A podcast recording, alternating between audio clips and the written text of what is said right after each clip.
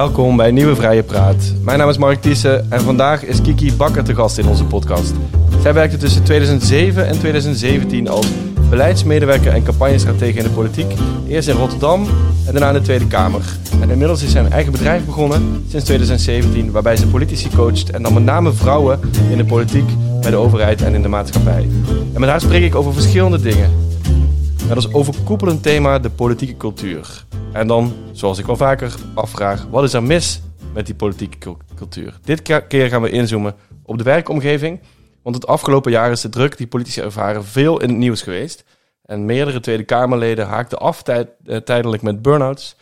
Um, en de Tweede Kamer wordt inmiddels ook wel een burn-out fabriekje genoemd. Ook in de lokale politiek, dat wordt vaak over het hoofd gezien, op ministeries en in de politieke journalistiek worden problemen in de werksfeer ervaren. Dus er is reden genoeg om het hierover te hebben. Hallo Kiki. Hi Mark. Hi hi. Uh, jij bent niet alleen expert op het gebied van politiek en bestuur, maar je bent ook expert op het gebied van Mark Thiessen.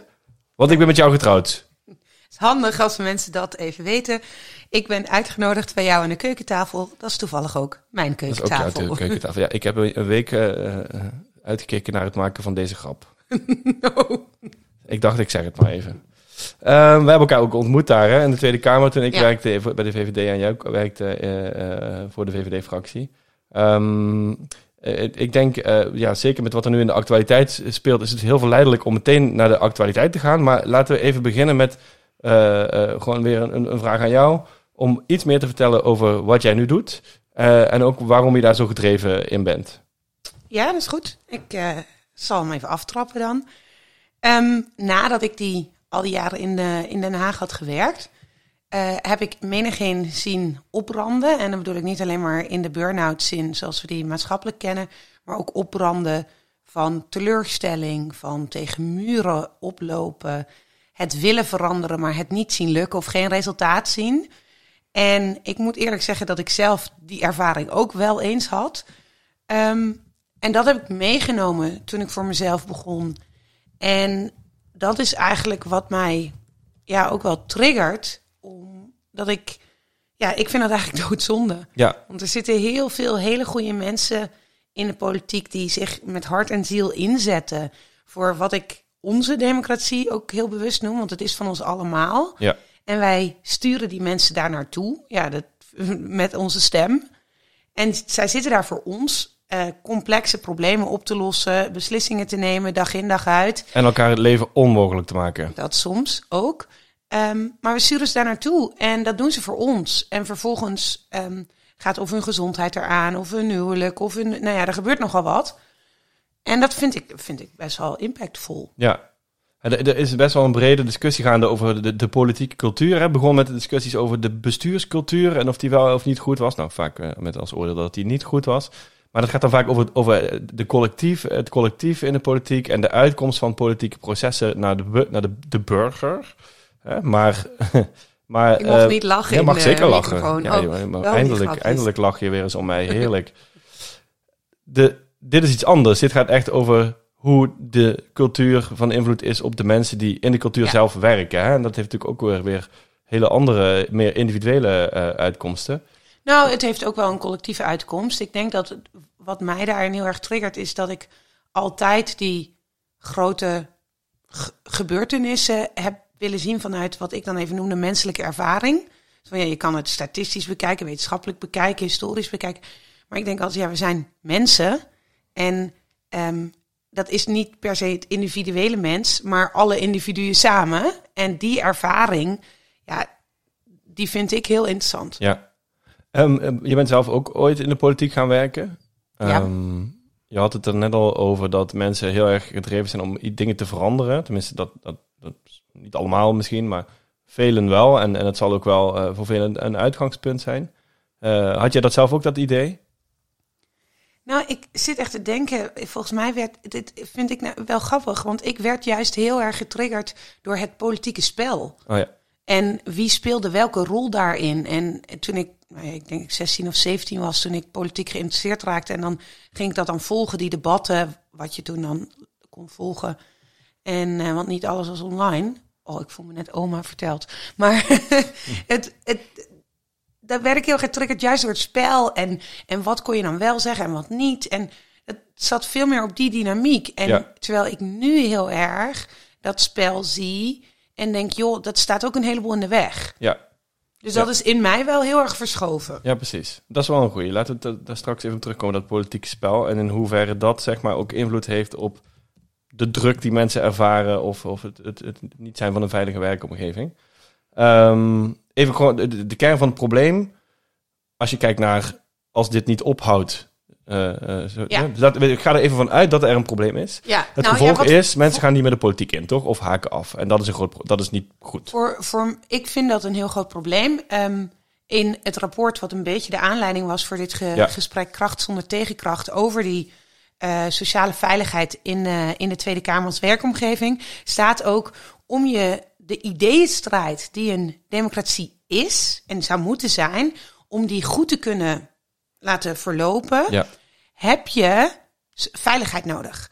Want om je uit te kunnen spreken over wat je vindt, om de strijd aan te gaan op woorden, moet je je veilig kunnen voelen. Je moet je veilig kunnen voelen om beleidskeuzes te bevragen, om aannames ter discussie te stellen. Als jij een minderheid bent, en dan ook nog een kleine minderheid in de Kamer, moet die veiligheid er zijn, zodat jij die rol kunt spelen in dat in die ideeënstrijd en in het politieke debat die jij te spelen hebt. Ja. En volgens mij is het een groot probleem als die mensen die niet bij de meerderheid of bij de meerderheidscultuur horen, als die afhaken, eh, opbranden, beschadigd raken, ehm, cynisch worden Ja. eh, en ermee stoppen of überhaupt niet meer mee willen doen. Want dat geldt voor waar we het nu over hebben, politici en ambtenaren, maar het gaat natuurlijk net zo goed op voor kiezers. Ja. Want die haken dan ook af. Ja, en ehm, het moet ook een beetje leuk zijn natuurlijk. Wil je daar eh, met veel plezier blijven werken en ook je veranderingszin eh, door willen zetten, toch? Nou ja, leuk. Leuk is, weet ik niet of het goede woord is. Het moet, ehm, je moet het gevoel hebben dat het ertoe doet, Ja, wat je doet. En die processen zijn natuurlijk stroperig en traag en het duurt veel lang om een wet te wijzigen.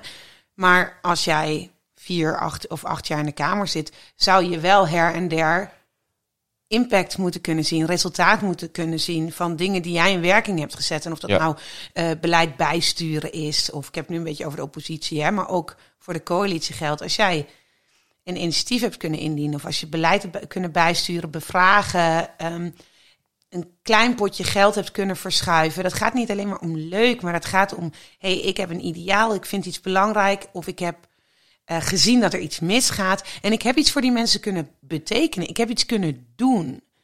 En ja, dus ik zou dat niet per se leuk noemen, maar de impact zien of het resultaat zien. Dat Ja. is wel heel, dat is een van de belangrijkste dingen in, ja, zeg maar in de, ja, ik noem het even de ontwikkeling van de burn-out. ja, Want je noemde het al even burn-out fabriek. Een burn-out ooit is niet, ja, de medische term of de term is niet bedacht voor wat wij nu burn-out noemen, maar voor de mensen die in de dienstverlening zaten, die echt heel veel voor anderen deden. Dus zorgpersoneel, ehm eh, ambulance diensten, veiligheid, die, die echt voor een soort basis moesten zorgen. Onderwijs geloof ik ook. Maar die niet meer zagen waarom ze dat eigenlijk deden, omdat ze niet meer zagen dat het er, ertoe deed. Dat was het oorspronkelijke opbranden. En ik denk dat dat voor een aantal politici ook geldt nu. ja. Ehm, nou, nou stip je het punt aan van eh, eigenlijk het, het, het, de mogelijkheid om succes te, te boeken in je werk, hè, dat dat belangrijk is. Maar daarnaast is er natuurlijk ook nog het aspect van de veilige werkomgeving, waarbij mensen je gewoon normaal behandelen. Dan, zeg ik dat zo goed? Of dat je, dat je, dat je het gevoel hebt, dat je niet het gevoel hebt dat je op je tenen moet lopen en eh, met horkerig gedrag te maken krijgt. Kan je wat vertellen? Want deze week is een rapport uitgekomen eh, van eh, eh, eigenlijk over de werksfeer in de Tweede Kamer. ehm, door wetenschappers van de Universiteit Utrecht. Kan jij kort iets vertellen over wat er volgens jou de belangrijkste conclusies van dat rapport zijn, wat erin staat, maar ook waarom dat belangrijk is? Ja, de, het onderzoek is gedaan in opdracht van het presidium, dus van het bestuur van de Tweede Kamer, omdat er best wel wat incidenten waren. En eigenlijk is de vraag, zijn dat nou incidenten of is er daadwerkelijk iets mis op sociale veiligheid? Ehm, dus is het sociaal onveilig in de Tweede Kamer? En dan zowel voor de politieke tak als de ambtelijke tak. En dan moet je zien dat het een beetje een derde, twee derde is. Dus twee derde ambtelijk en een derde Tweede Kamer. En die hele grote groep is onderzocht. Hoe, hoe- hoeveel mensen werken? In- zijn bijna, duizend? 17, bijna 1700 mensen bij elkaar. Alleen, niet iedereen werkt in de Tweede Kamer. Want Kamerleden hebben geen baas. Ja. Dus die, die zijn, hebben een beetje een aparte status. De Fractiemedewerkers. kiezer, toch? Ja, maar de frak, die kan ze niet ontslaan op dat moment. Niet, zeg nee, maar dat later. maar ehm, fractiemedewerkers zijn weer in dienst van fracties en zo is dat niet helemaal duidelijk. Maar ze hebben geprobeerd die hele groep in kaart te brengen. En zich af te, en de vraag te stellen: is het er nou sociaal veilig of onveilig? Ja. Zijn het incidenten of is er iets aan de hand? En is de omgeving zoals die nu georganiseerd is, eh, leidt dat tot grotere risico's op Ja. sociale onveiligheid? En wat bedoelen ze met, wat bedoel jij of zij met eh, hoe die nu georganiseerd is? Dus in, Nou, ehm, ehm, er zijn een paar dingen. Kijk, een paar dingen die zij ook noemen. Hè. Kijk, je kunt, ehm, eh, je kunt je afvragen: is het inherent aan het spel. de- het- aan het spel of aan hoe de democratie georganiseerd is of hoe de Tweede Kamer georganiseerd is? Nou, dat is het niet. Ehm, Dat zeggen zij ook. Dat Ja. is het niet. Oké. en, ehm, maar je kunt ook kijken naar van goh, je hebt allerlei beleidsdingen gemaakt. Dus een sociaal veiligheidsbeleid heet dat dan. Ehm, maar waar iemand melding kan maken, werkt dat eigenlijk wel? Of is Ja. de manier waarop fracties omgaan met ambtenaren, zit daar, zitten daar risico's in? Op een gegeven moment wordt er genoemd van ja, het feit dat je onder zulke hoge druk ook nog heel laat moet werken, dus hele late, lange debatten hebt, dat draagt niet bij aan het verlichten van de druk. En dus vergroot dat het risico op sociale onveiligheid. Ja. Oké.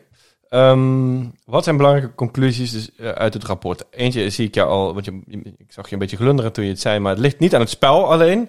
Hè, wordt daar vaak gezegd natuurlijk, het hoort erbij. Nou, dat, als ik jou goed begrijp, eh, is dat niet zo. Nee, dat hoort er absoluut niet Absoluut bij. niet bij. Dan kunnen Nee. we zo nog even verder op gaan. Zijn er nog andere eh, punten uit het rapport waarvan je denkt, die zijn echt heel belangrijk om even aan te stippen? Nou, wat ik zelf heel belangrijk vind, is: kijk, het is geen feitenonderzoek. Dus er wordt niet gezegd zo vaak komt het voor. En er wordt ook geen eh, uitspraak gedaan over: dit is de omvang.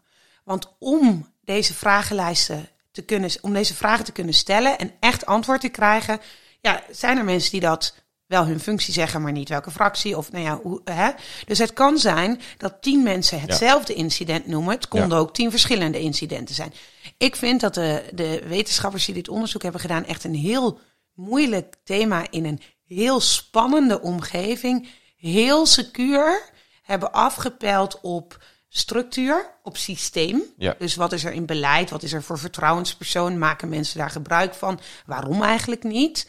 Ehm, dus, en een van de conclusies is dat het beleid dat er is, niet, er wordt niet eenduidig met meldingen omgegaan.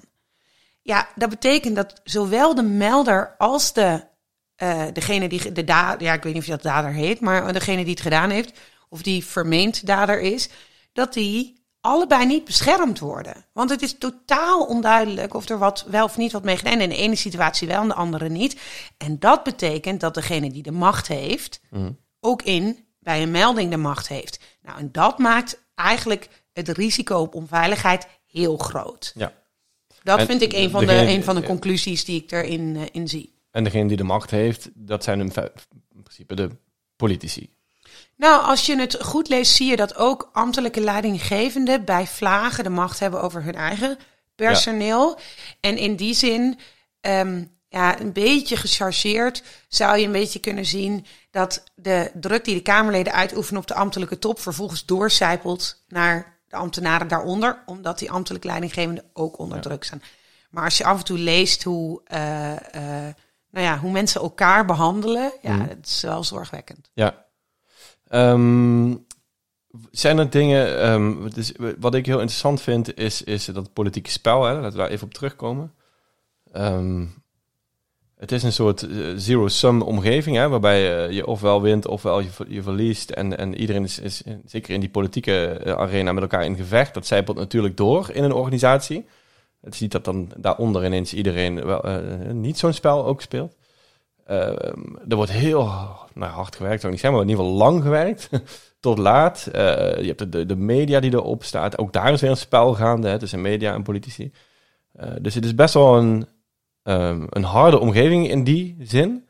Waarbij ook nog eens die, tijd, eh, die tijdsbesteding meespeelt. En wat je vaak hoorde daar, ook toen ik daar werkte, en wie weet heb ik dat zelf ook wel eens gezegd, is het hoort erbij. Hè?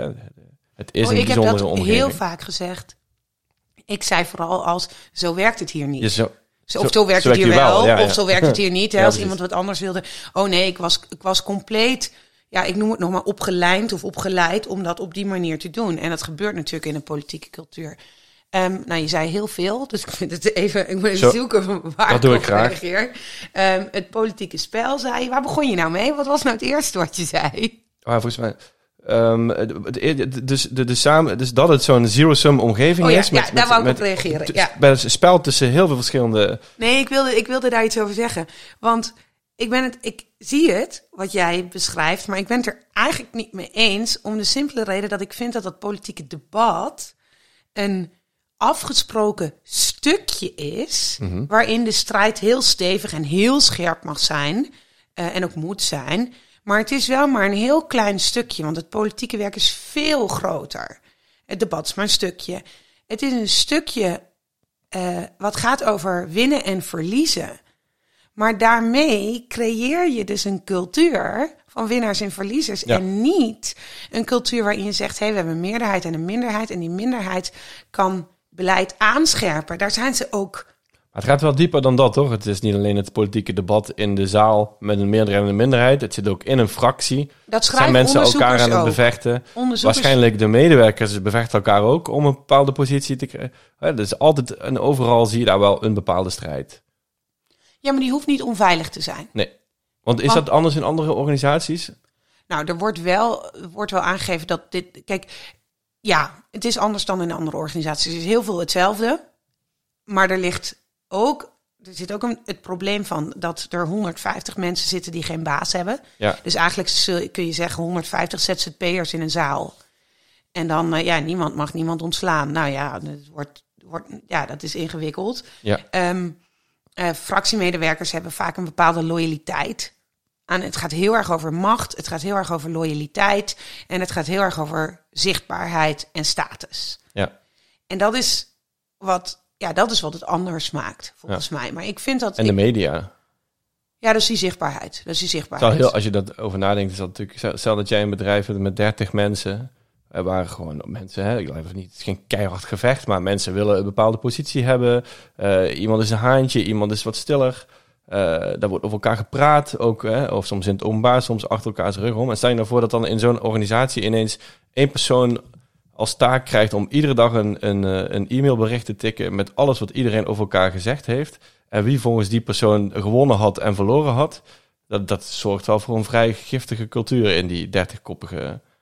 Ja, ik, mijn gedachten dwaalden even af, want ik dacht ineens, hoe zou een hij-sessie met 150 Kamerleden zijn? Ja. Dat je ziet dat ze Dat samen zie je iedere week. stickertjes samen moeten brainstormen en stickertjes moeten doen en geen spreektijd krijgen. Ja, Maar sprints. gezamenlijk, ja, ik zie dit ineens voor me. Ik denk niet dat dit zou werken, maar ik vind het zelf wel een grappig beeld. Ja, waarom niet? Ehm, maar Waarom ik denk niet? dat de cultuur en ja, ik wil even het eh, eh, uitweiden als dat mag Mhm. over het hoort erbij. Want Ja. ik vind dat echt niet. En ik kan daar ook wel heel. Ik probeer het nu heel rustig te zeggen, want in een podcast weet je nooit hoe het luistert, hoe het hoort. Maar ik kan daar echt heel kwaad over worden Ja. als mensen zeggen het hoort erbij. En dat kan ik al, dat word ik al een tijdje. En de reden, ik ga het even proberen op te sommen. Het eerste is cultuur maken wij. Wij zijn de cultuur. Alles wat wij denken en doen is de cultuur. Dus het hoort erbij betekent dat wij met elkaar beslissen dat het erbij hoort. En als wij beslissen dat het er niet bij hoort, dan is dat de cultuur. En ja, dat duurt even. En ja, dat moet je omverwerpen. Maar wij zijn niet. Het cultuur is niet iets wat buiten ons staat.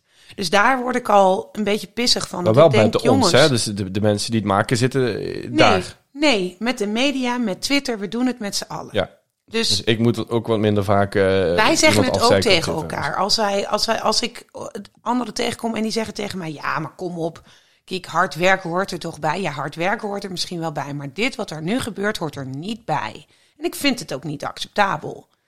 Alleen Ja. ja, het heeft geen enkele impact als ik zeg dat ik het niet acceptabel vind. Dat moeten de mensen doen die daar staan. Maar dat is één. Twee is, het blijkt nergens dat dit type gedrag, en we hebben het dan dus over het sociaal. We hebben nog niet eens benoemd om welk gedrag het gaat. Ja, het gaat dat is over. wel goed om daar even Ja, staan. Het gaat namelijk niet alleen over de grootste dingen waar, je- waar je over in de krant over leest. Maar het gaat over pesterijtjes. Het gaat over deuren in je gezicht slaan. Het gaat over eh, schelden. Het gaat over roddelen. Het gaat over schreeuwen. Eh, het gaat over zeggen: nee, nee, nee, zo werkt het hier niet. Tegen nieuwkomers. Oftewel Ja. die buiten sluiten. En daarmee mensen uitsluiten van hoe het hier hoort. Da- over dat soort dingen gaat het. Ehm, het, het gaat heel erg over eh, eisen dat iemand dienstbaar is aan jou op een niet vriendelijke manier. Denk ik dat ik het zo zou kunnen zeggen. Maar dat hoort er niet bij. Nee, maar, maar, dit, maar nog, dat dit geldt natuurlijk niet voor iedereen. Hè? Dat is wel, want eh, dat is, stipt je ook een beetje aan toen je het over het rapport had. Het is niet precies duidelijk hoe groot dat probleem is. Hè? Dus zijn er Nee. 150 Kamerleden, zijn het allemaal horeca? Nee.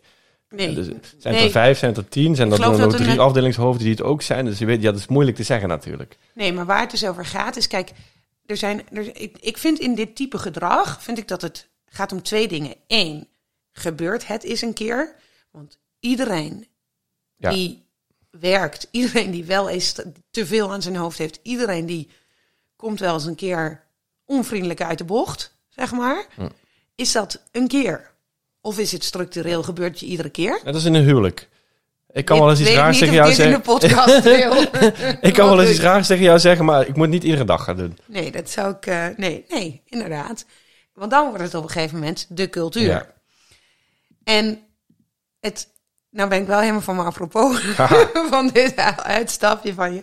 Maar dat is één, dus is het een incident of gebeurt structureel. En het tweede is, als het dus incidenteel gebeurt, hoe los je het op? Ben je in staat om meteen op dat moment te zeggen, of binnen een paar minuten als je gekalmeerd bent Ja. van zo, dit Sorry. echt niet. Nou, niet alleen sorry, maar dit kan niet. Ja. En om vervolgens, want ik vind dat dat een goede eigenschap is van een, een politicus, de zelfreflectie te hebben van oké, hey, was dit eigenlijk wel een incident? hey, sta ik de laatste tijd niet heel erg veel onder druk? hey, ehm, zal ik, moet ik hier iets mee Ja. of niet? Misschien heb ik wel te ho- veel hooi op mijn vork of misschien is er nu een crisis gaande of misschien kan ik wel, moet ik hier wel iets mee? Mhm. Maar die zelfreflectie heb je dan te hebben. Ja. Dus dat vind ik. En Maar dan- dat moet je uit jezelf halen. Hè? Dat, dat is niet, eh, wordt niet afgedwongen. Nee, dat, nou ja, ik weet niet of het afgedwongen Dat wordt, maar wel wat je zegt. Ze hebben zelf geen werkgevers. Er zijn Nee, weinig kijk- sancties op. eh, dat wordt natuurlijk ook georganiseerd in de fracties. Het rapport zegt overigens heel duidelijk, wij hebben niet in de fracties onderzocht. Dus ja, Ja. we, we hebben wel mensen uit fracties gesproken, maar we hebben niet in de... Ja, dat organiseert ieder voor zich. ja, dus daar moet ook een, zowel een structuur zijn in de fracties zelf om dat soort gedrag te, te zien en te corrigeren. In ieder geval niet onder, onder het tapijt te vegen. Ja. En een soort sociale controle. Ja, sociale controle. Het moet benoembaar zijn, bespreekbaar. Kijk, het wordt spannend als iedereen het weet, maar niemand het zegt. En er niemand iets mee doet. Ja. Dan wordt het spannend, want dan wordt het, is het wel bekend, maar ligt het wel onder het tapijt. Dat is heel onduidelijk. En dat is, dat is onveilig. Terwijl als er iets gebeurt of als er een incident is zijn en het wordt besproken, het wordt benoemd en er wordt zichtbaar, want dat zeggen de, eh, zeggen de onderzoekers ook, de enige oplossing ligt in zichtbaar gezamenlijk iets doen. Ja, En anders heeft het geen zin. Wordt het symbool en dan wordt het cynisme over dit rapport en alle andere rapporten alleen maar groter. ja. Maar het cynisme over dit rapport is toch, die kan toch niet zo groot zijn? Want het is toch heel goed dat er zo'n rapport nu komt. Dat is al, eh, lijkt mij, toen wij daar werkten, Wat, nee, er zijn wel meer rapporten geweest hoor. Niet toen- zo, zo eh, uitgebreid of niet op deze manier, vind ik. Er zijn wel eerder rapporten of in ieder geval eh, eh, pogingen gedaan om, om met dit thema iets te doen. Er is veel meer aandacht voor dit Ja. thema dan er ooit geweest is. En dus er is wel degelijk, Klopt. denk ik, De iets aan het veranderen. is, de vraag is, werkt dat? Ja, En ehm, je ziet bijvoorbeeld, er zijn een heleboel vertrouwenspersonen, maar ehm, van de ene fractie gaan ze niet naar een vertrouwenspersoon van de andere fractie. Eh, ambtenaren gaan niet naar een vertrouwenspersoon van de fractie en andersom. ja. Dus ja, eh, je hebt ja, wel van moeilijk. alles. Ja, omdat het zo gescheiden werelden zijn eigenlijk. Ja. Maar werken alle instrumenten? Nou, één nogmaals, hè, die met, moet zeker zijn wat er met een melding wordt gedaan. Maar er is eigenlijk nog iets anders. En dat, ja, ik kan het niet helemaal overzien, maar het grootste risico is dat dit rapport politiek wordt gemaakt. Ja. En met heel veel dingen die gaan over de vraag hoe gaan we met elkaar om. Wat je zou zeggen, dat Hmm. is iets wat wij met elkaar bespreken, worden politiek gemaakt. En daarmee gaat het niet meer over hoe gaan we met elkaar om, maar wie wint. Wie is de schuld? Wie is de, wie is de zondebok? wie de- wint? Wie verliest? En daarmee doe je eigenlijk precies wat je altijd deed. Ja. En ja, zet je dat. Volgens mij is dat wat er echt het laatste wat er moet gebeuren. Ja, want, want je merkt in de, in de... Ik heb een aantal podcast slash radio-uitzendingen gehoord... waarin het ook over het rapport gaat. En daar wordt vrij snel de vraag gesteld... eh, moet de voorzitter van de Tweede Kamer weg? Ja, want Dat zij is. hier vrijwel niks mee te maken heeft. Nou ja, ze heeft, ze, ze heeft natuurlijk een bepaalde rol en, en, en op, ze heeft ook opdracht gegeven tot dit onderzoek. En het is natuurlijk niet geheel uit de lucht komen vallen, dit onderzoek. Eh, na een, eh, een situatie waar zij een grote rol speelde. Maar de punt is, daarmee wordt precies die politiek bedreven. Ja. Waarvan je juist zou zeggen. ehm, ja, en ik heb, ik heb hier niet een kant-klare oplossing voor. Maar door elk onderdeel van de cultuur en elk onderdeel van de veiligheid en de manier van met elkaar omgaan zo politiek te maken, beschadig je eigenlijk de democratie. Ja, maar op het moment dat iemand het politiek ma- maakt, is er ook een ander doel. Hè? Dus dan is het doel niet meer hoe kun je eh, de, deze situatie oplossen. Dan is het doel hoe, hoe kan degene die het politiek maakt, die wil gewoon hier. Die wil winnen. winnen, ja. Die wil iets te winnen hebben. Ja, ja, ja. nou ja, Eh, dat past niet heel erg op dit thema.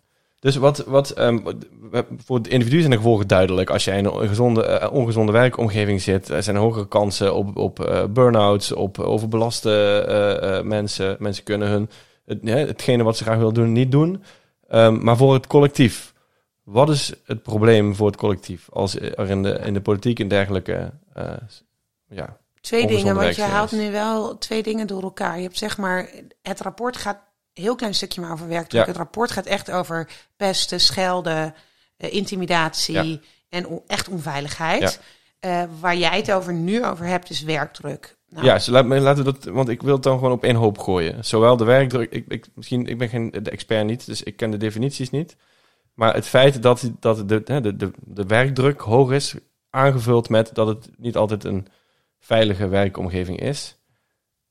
Dat is een cocktail die niet per se positief zal uitpakken voor een aantal mensen. En wat is dan het gevolg voor het collectief als dat zo blijft of als dat niet verandert? Ja, ik ga het toch uit elkaar halen, omdat jij het over een hoofd gooit. Ehm, het enige waarin het samenvalt, is dat de werkdruk de risico's verhoogt. Dus hoe drukker en hoe meer stress, Ja. hoe groter dat risico is. Waarom ik het wil scheiden, is omdat het ehm, ook heel schadelijk is voor de mensen die het ervaren. Dus ik wil het heel graag scheiden. En omdat het werkdrukthema ook gaat over iets anders. En ehm, dat zit op drie niveaus. Het zit op het systeem wat wij hebben ingericht nu.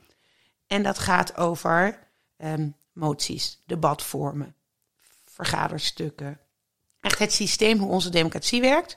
De cultuur, nou hebben we het net een stukje over Ja. de onveiligheid gehad. Maar de cultuur, het harde werken hoort erbij. Ja, 60 tot 80 uur werken hoort erbij. Maar eraan onderdoor gaan en niet kunnen zeggen dat je het even niet meer trekt. Dat hoort er, vind Ja, ik er niet bij. Dan, laten we hier dan even op inzoomen. Want dan parkeren we dat rapport Mm. even. En dan gaan we de, de, de, dus de manier waarop de werkdag is ingedeeld, of de werkweek is Ja. ingedeeld in de politiek. En dan zowel lokaal als, Ja. als in de Tweede Kamer. Ehm, goed of slecht? Nou, jij vroeg wat het risico is. De manier waarop we het nu hebben ingedeeld sluit een hele grote groep. Nou, sluit uit is een groot woord.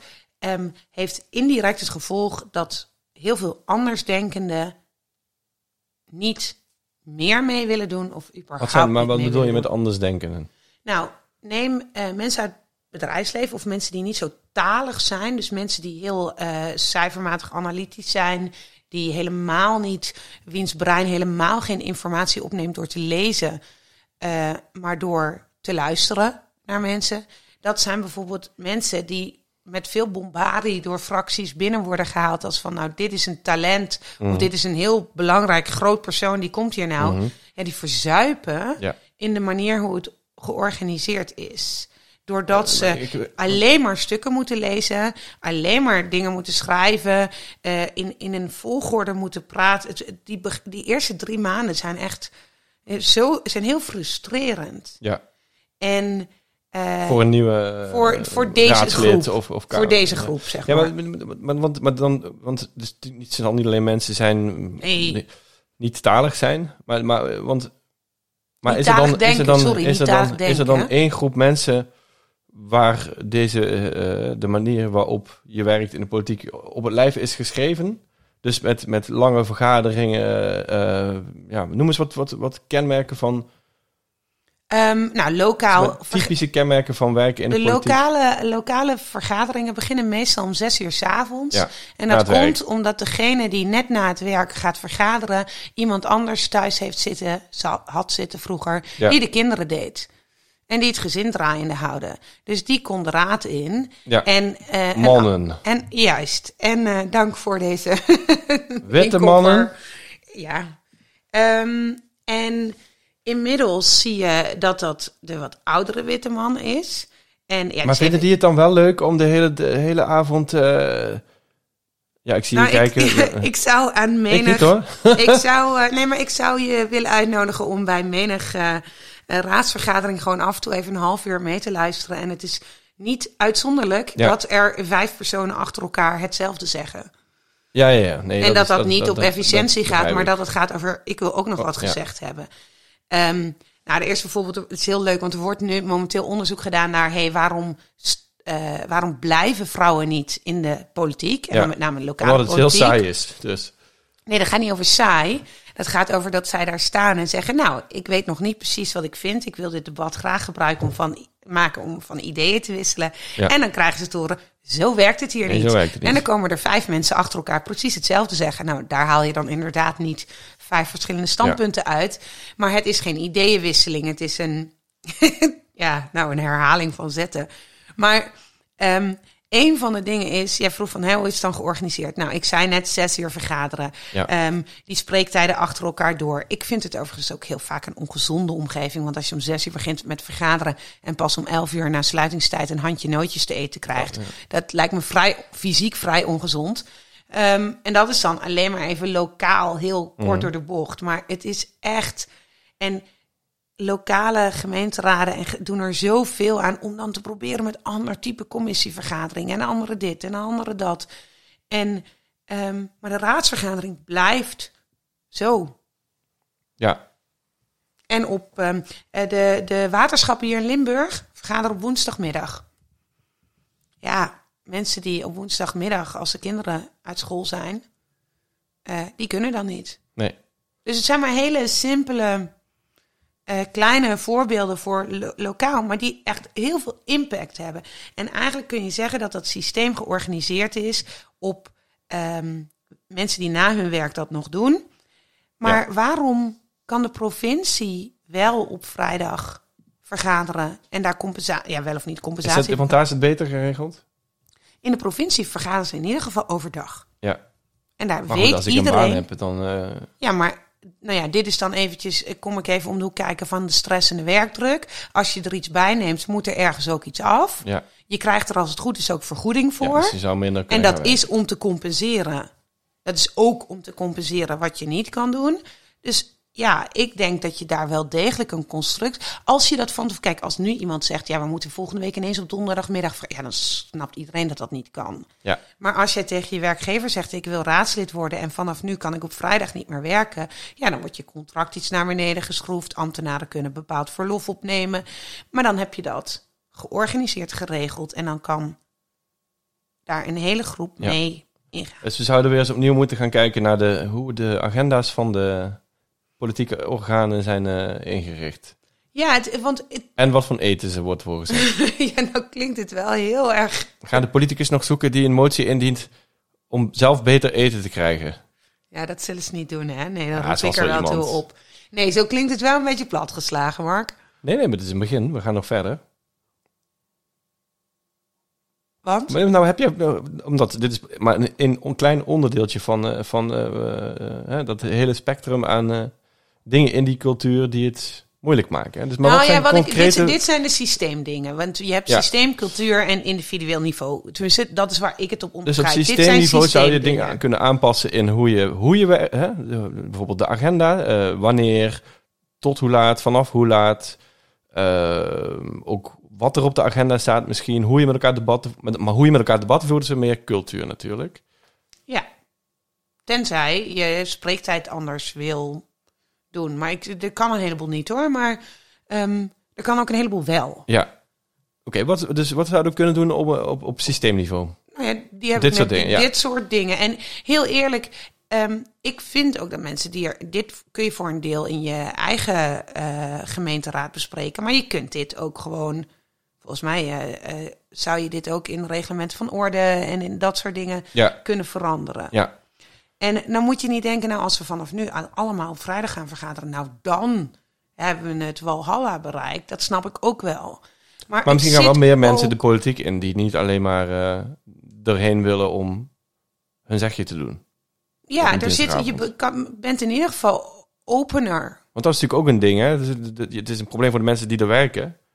Ja, dit, Soms. dit, dit- waar het over werken ging natuurlijk over de Tweede Kamer, lokaal. Nee, maar ook lokaal. Het is, het is niet leuk voor de mensen die lokaal actief zijn om... Niet voor iedereen is het leuk om tot zo laat eh, saaie vergaderingen bij te wonen. Maar jij zegt Maar- saai, maar, maar- ze zijn niet altijd saai. Hè? ja, dat, is jou, nee, dat is jouw uitgangspunt. Dat Dat is wel een belangrijke is, mening van mij. Vind jij? Ja. het, het voorkomt wel natuurlijk dat, dat eh, ook een heel grote groep mensen de politiek in wil die eh, misschien wel zou willen, maar gewoon daar niet zoveel trek in heeft. Misschien ook met jonge kinderen thuis.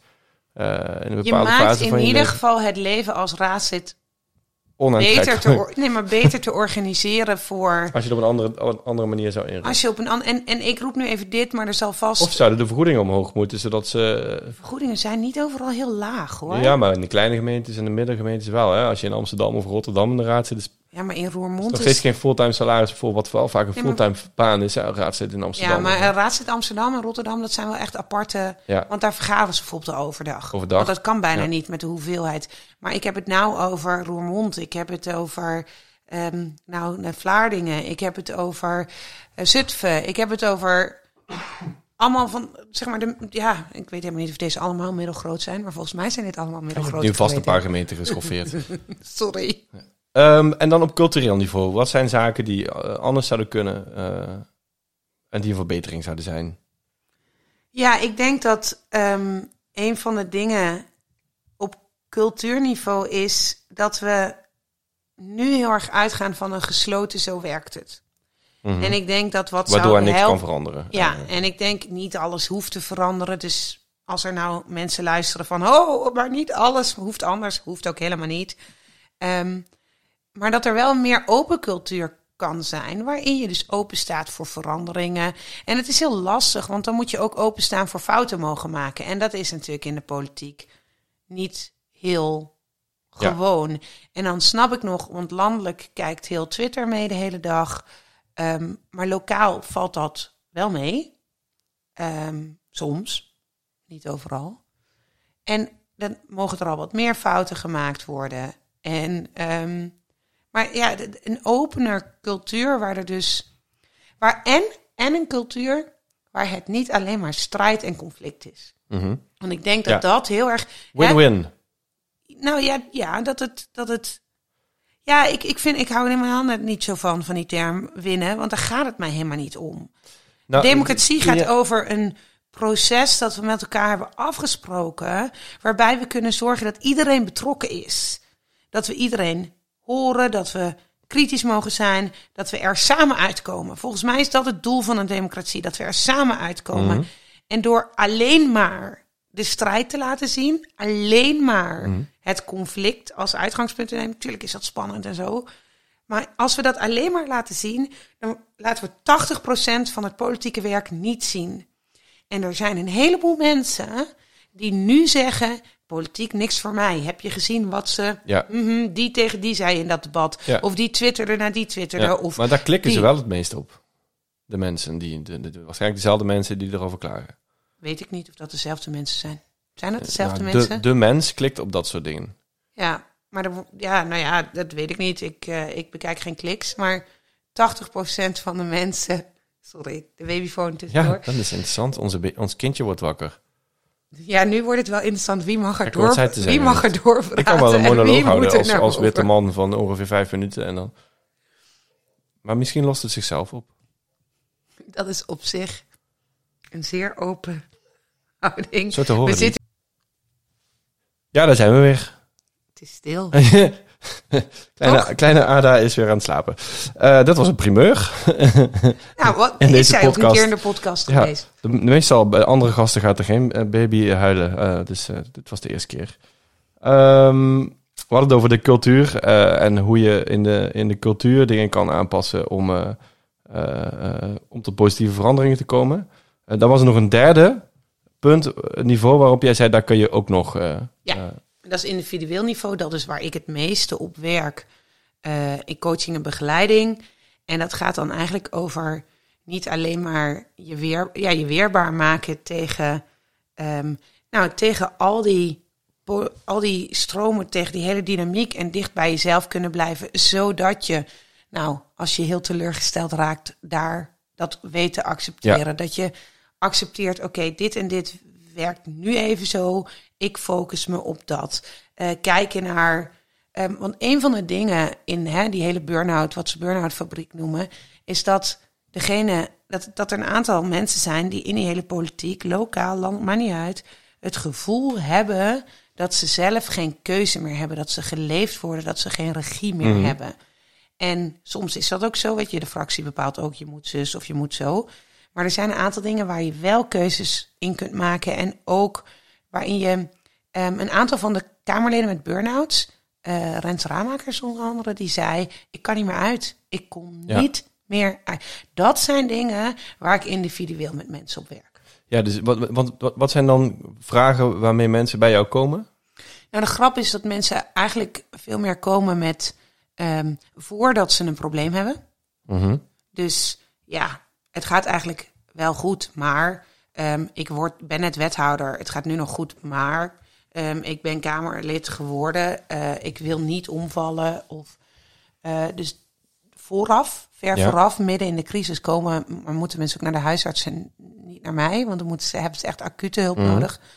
Ehm, dus het is al in een vroeger stadium dat ze mij komen. Ze komen bij mij met een aantal thema's. En dat is eh, conflicten met anderen, veel strijd.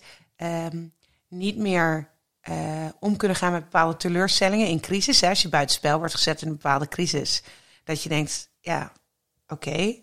eh, ambtenaren ook trouwens, maar van, hé, hey, eh, hoezo zit ik ineens in dit? Wat is hier eigenlijk gebeurd? Mhm. En dat uh, daarmee omgaan. Maar ook met, hey, ik heb eigenlijk geen kapstok, kapstok om de keuzes te maken die ik wil doen. Dus je hoeft je helemaal niet elk, nou, je hoeft niet elke week op elke tweet of elk nieuwsbericht te reageren. Ja. Je kan ook als jij een helder profiel hebt voor jezelf en een heldere doelstelling voor de komende zes tot twaalf maanden, dan denk je nou met deze twee televisieoptredens zou ik een heel eind komen. En dan hoef je dus niet die gejaagdheid, die Ja. gehaastheid te hebben, omdat jij heel, ehm, eh, omdat jij de regie hebt, omdat jij de keuzes maakt. Ja.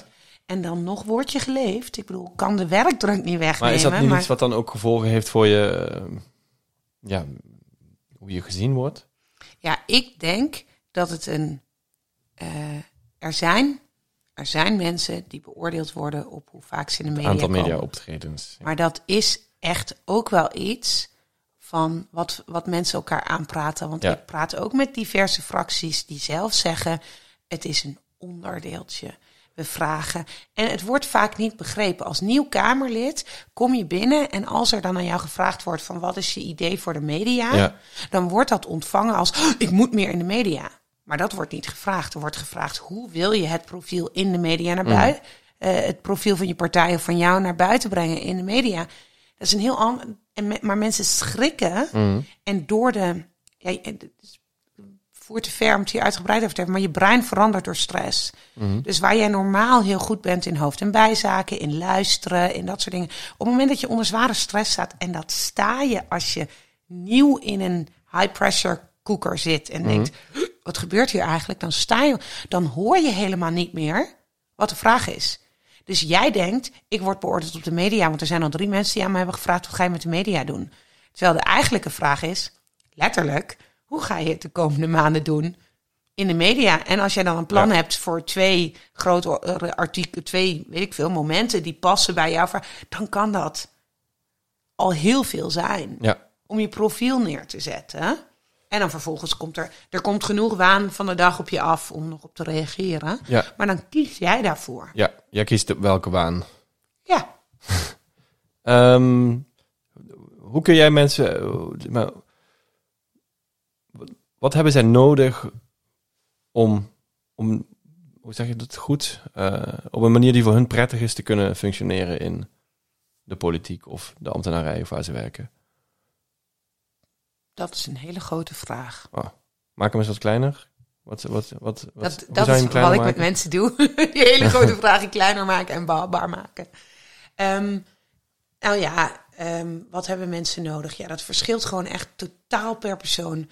Ehm, het is vaak niet wat zij denken dat ze nodig hebben. Wat, wat, wat, denk, wat denken Ja, ze zij? denken dat ze mediatraining nodig hebben. Ah, ja, ja, precies. Ja, en, en, Ja, en, dat ze, en dat ze een, eh, een, eh, een social media hulp nodig hebben. Misschien hebben ze dat in taken wel, maar het, het helpt.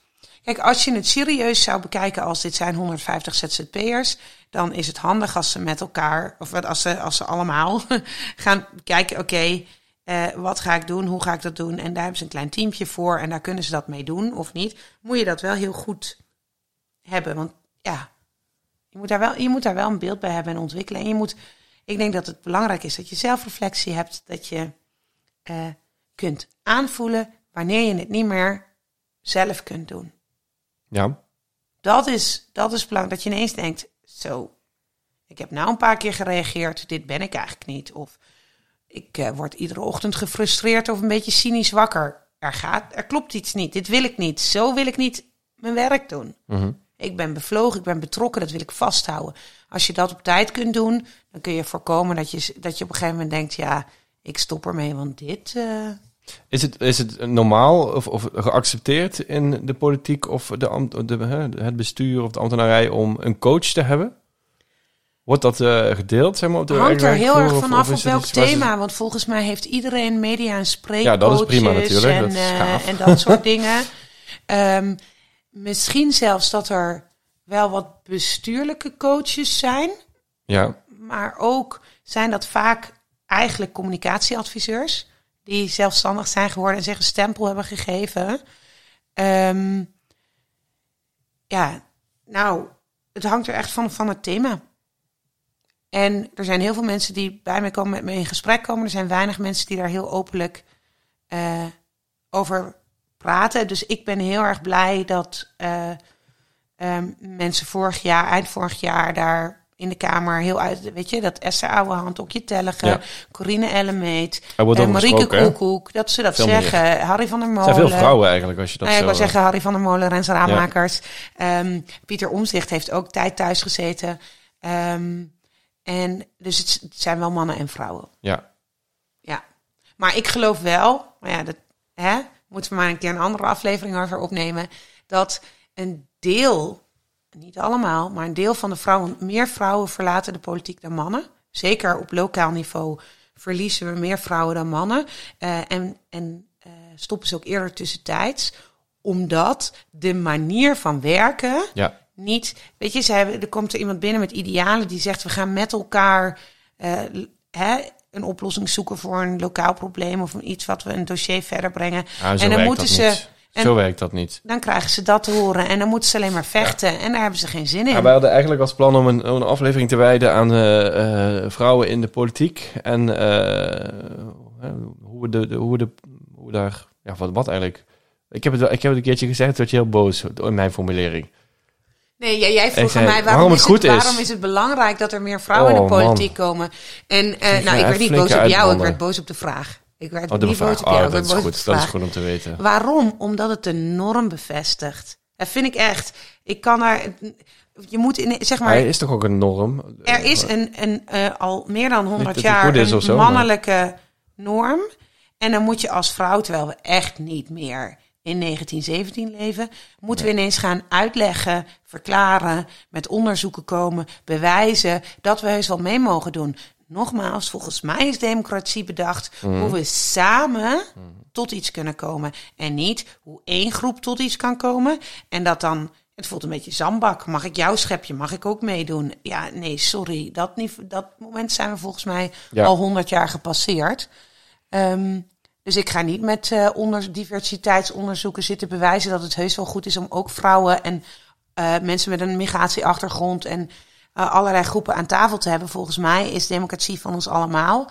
En moeten we dus ook allemaal meedoen. Dat betekent dat er in de cultuur en het systeem wel wat mag veranderen. Nou, daar kunnen we dus nog wel een keer een andere uitzending over vullen. Maar dan moeten de mensen eerst maar even laten weten of ze dit geslaagd vonden. Ja, zeker. Vind ik heel erg leuk. Ik, heb, uh, ik reageer heel graag via LinkedIn of via Instagram.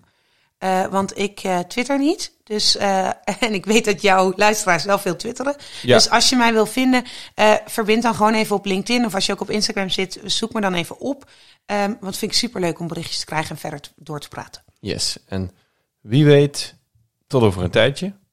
Ja, en dankjewel dat ik aan jouw keukentafel mocht zitten. Ja, ik ook. Oké, oh, de eindtune komt niet, maar dat hoor jij helemaal niet. Nee, we zijn al klaar, komen mond al. Heel gezellig muziekje. nou, leuk Kiki. Ik hoop dat je nog iets leuks gaat doen vanavond. nou, ik denk, uh, ik hoop dat de kinderen stil blijven en dat ik goed kan slapen. Dankjewel voor de uitnodiging. Jij ook heel veel dank. Doei.